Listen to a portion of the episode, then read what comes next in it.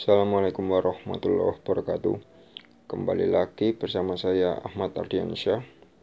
Kali ini saya akan membahas mengenai catur ya.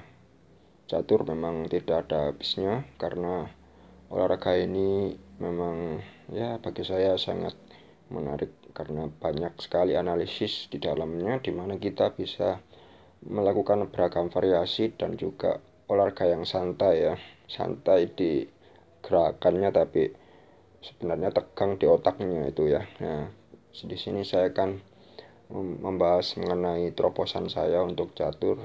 Jadi sebenarnya catur memang ya sudah banyak yang membahas mulai dari pembukaan hingga dari end game-nya juga. Tapi saya akan coba mm, ada gagasan dari saya untuk kemajuan catur ke depannya ya saya akan sampaikan dengan poin-poin saja ya, yang baiklah.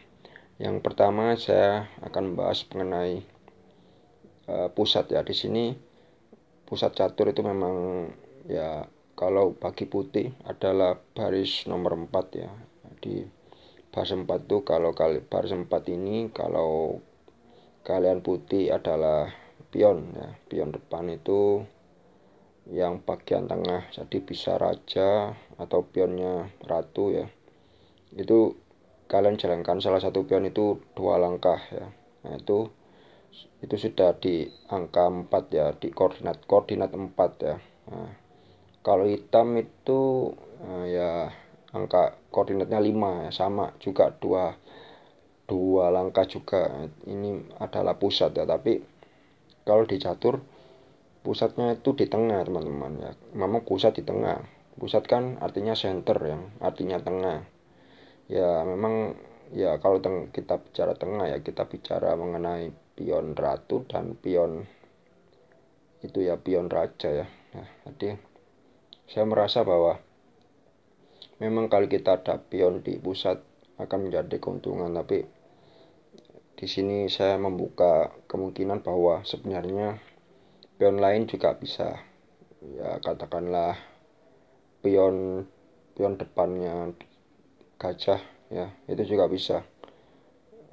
Ya mungkin dari gajah sebelah kiri atau gajah yang kanan itu itu juga pusat ya. Walaupun kalau mungkin nggak agak ke, ke lebih ke sayap tapi kalau di sepak bola jembatan antara sayap dan tengah yaitu ada suatu baris yang bernama half space yang artinya adalah setengah spasi ya. Tapi kalau di catur kita setengah spasi itu adalah ya depan pion dari depan gajah itu. Dua langkah kalian jalankan. Pion dua langkah ya, gajah yang mana pun ya pion gajah itu juga bisa menjadi pusat. Bagi saya ya mungkin kalian berbeda ya pusat pusat itu ya pion raja atau pion ratu ya. Kalau bagi saya pion gajah itu juga bisa. Untuk pion gajah ya pion gajah yang kiri sering. Itu dua langkah. Ada pembukaan yang namanya pembukaan Inggris yaitu kalau pion yang gajah kanan agak jarang itu pembukaan ber, pembukaan burung namanya. Itu jarang. Jadi ide dari gajah kan ya ini akan membuat ada variasi baru gitu. Jadi tidak terperangkap pusat. Itu bisa menjadi variasi yang bagus bagi saya. Walaupun memang ya mungkin hasilnya berbeda kalau kita pakai pion pusat ratu atau raja. Tapi apa salahnya gitu? Itu, itu akan membuat lawan berpikir. Berpikir wah pembukaan pembukaannya baru. Wah saya pakai apa? Nah itu kan mungkin kita bisa menang waktu dan variasi sehingga ini berguna kalau kita sering bertemu lawan yang sama sehingga kita enggak hanya ya kalau enggak pion raja pion ratu nah supaya tidak supaya muncul variasi ya. jadi saya rasa ini perlu dipertimbangkan ya agar catur semakin menarik depannya ya poin kedua adalah hmm, ada satu strategi catur yang namanya Fiancento. Nah, Fiancento itu bahasa Italia yang artinya garis terpanjang. Nah, ini kalau kita bicara Fiancento, kita bicara gajah. Ya, gajah kalau kalian lupa bahwa gajah itu kan yang eh, geraknya miring kalau di kiri itu gajah satu dan kanan gajah dua kita punya dua gajah nah itu jalannya miring nah di, di Viancento ini ada ide bahwa gajah kan bisa berjalan miring dengan jalur terpanjang. Caranya kita bisa majukan pion di pion B. Ya pion B itu dua langkah eh, pion nomor dua dari kiri pion B. Dua langkah atau satu langkah satu langkah saja. Kalau bagi saya satu langkah. Lalu lawan lawan juga lalu lawan katakanlah pion apa terserah. Lalu kita langkah kedua kita adalah gajah kita ke B2 nah ini akan B2 artinya gajah kita melangkah ke kiri satu kotak. Nah, ini akan memunculkan satu jalur panjang nah, yang akan menjadi jalur terpanjang. Ini nggak akan kita, kita temukan di di apa di pembukaan catur lain katakanlah Rui Lopez yang biasanya gajahnya kita maju ke depan langsung. Tapi di, di Viancento ini kita gajahnya jalan satu langkah. Nah apa tujuannya dari pembukaan dari Viancento ini? Ini akan mengontrol tengah ya di mana kita punya kita akan lawan akan mendapatkan satu lawan itu akan tahu kalau kita punya Viancento di mana tengah kita kan dipres atau diancam oleh gajah ya. Biasanya pion. Nah ini akan menjadi satu hal yang cukup berbahaya bagi lawan karena kalau kita beruntung menurut saya kita akan dapat benteng benteng lawan. Karena ini jalurnya segaris lurus dengan benteng. Kalau memang lawannya lengah ya kita akan dapat benteng. Tapi di satu sisi kalau kita tidak beruntung ya kita akan lawannya akan mendapatkan benteng kita. Ya jadi 50 50 50 lah sifatnya ya. Ada untung ada ruginya juga. Ya tapi ini patut dicoba ya. Ini strategi yang menurut saya ya bagus sekali kalau memang penerapannya benar ya. Jadi ini perlu pikiran yang jernih dan otak yang cerdas karena ini memang strategi ini minor ya. Nggak banyak yang melakukan karena seringnya kita kalau pakai gajah ya kita buka jalur gajah pion depannya terus kita maju gitu, kayak Rui Lopez atau Itali ya itu kan pionnya maju semua. Atau pembukaan Torre ya, itu juga sama. Pionnya eh gajahnya langsung maju. Nah ini kan kita kalau Viancento kita harus buka satu lagi pion dan nggak langsung majukan gajah tapi gajahnya satu langkah dulu. Nah kita mengincar jalur panjang yang akan mengontrol banyak kotak. Nah ini ide bagus. Tapi kalau bagi saya ini agak boros langkah karena membutuhkan lebih banyak langkah. Kalau kalau yang mayoritas ya kita butuh cuma satu bukaan. Tapi ini dua bukaan. Nah bagi saya saya menghargai itu menghargai efektivitas. Jadi saya tidak akan terlalu banyak membuka pion. Kalau menurut saya itu akan membuat apa membuat waktunya terlalu lama saya ingin menang cepat juga teman-teman ya nah ini harus dipikirkan dipikirkan juga ini strategi yang strategi yang cukup baik dan ini adalah strategi yang konvensional yang bisa diterapkan di catur untuk saat ini ya. yang poin ketiga ya adalah rokade. Apakah kita harus rokade dahulu atau menunggu serangan lawan ya.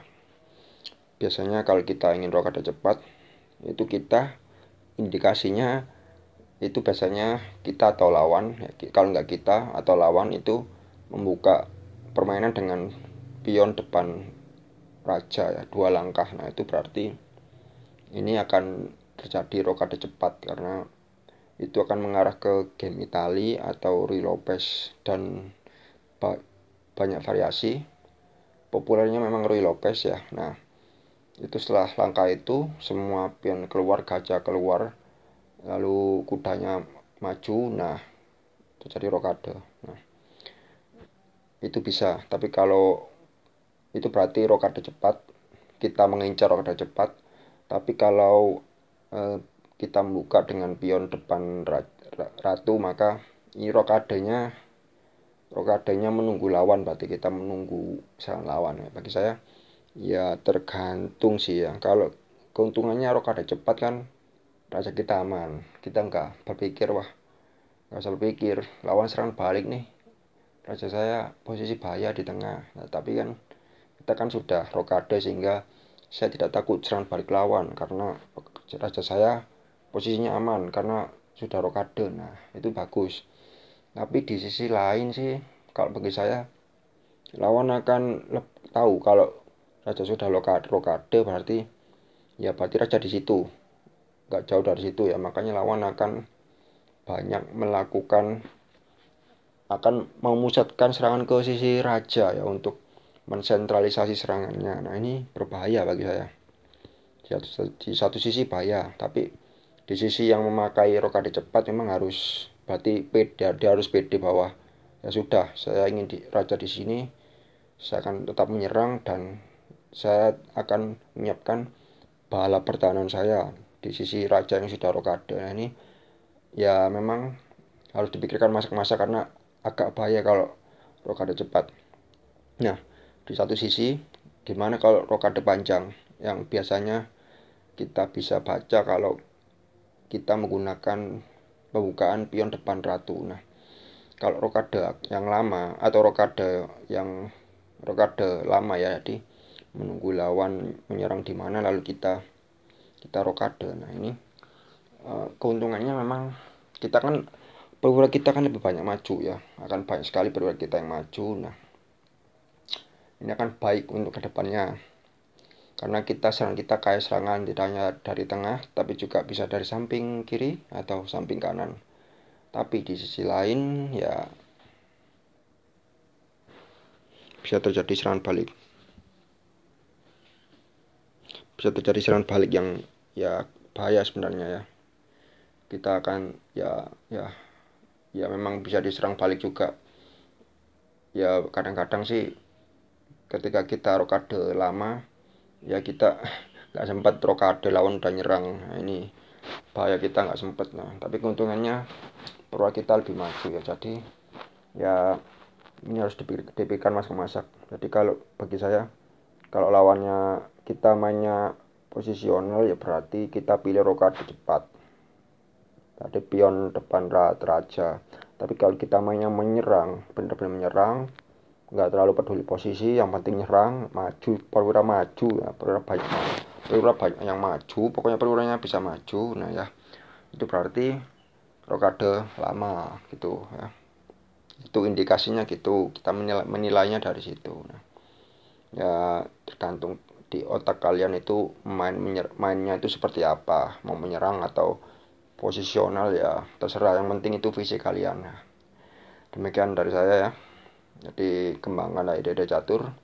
Percaya dengan diri kalian percaya bahwa diri kalian adalah terbaik dan percaya kalian bisa membawa membawa hikmah untuk catur dan kembangkan lagi trik-trik dalam catur untuk menipu lawan dan tidak terbaca lawan ya. Demikian saya lah catur Gen Unasumus Assalamualaikum warahmatullahi wabarakatuh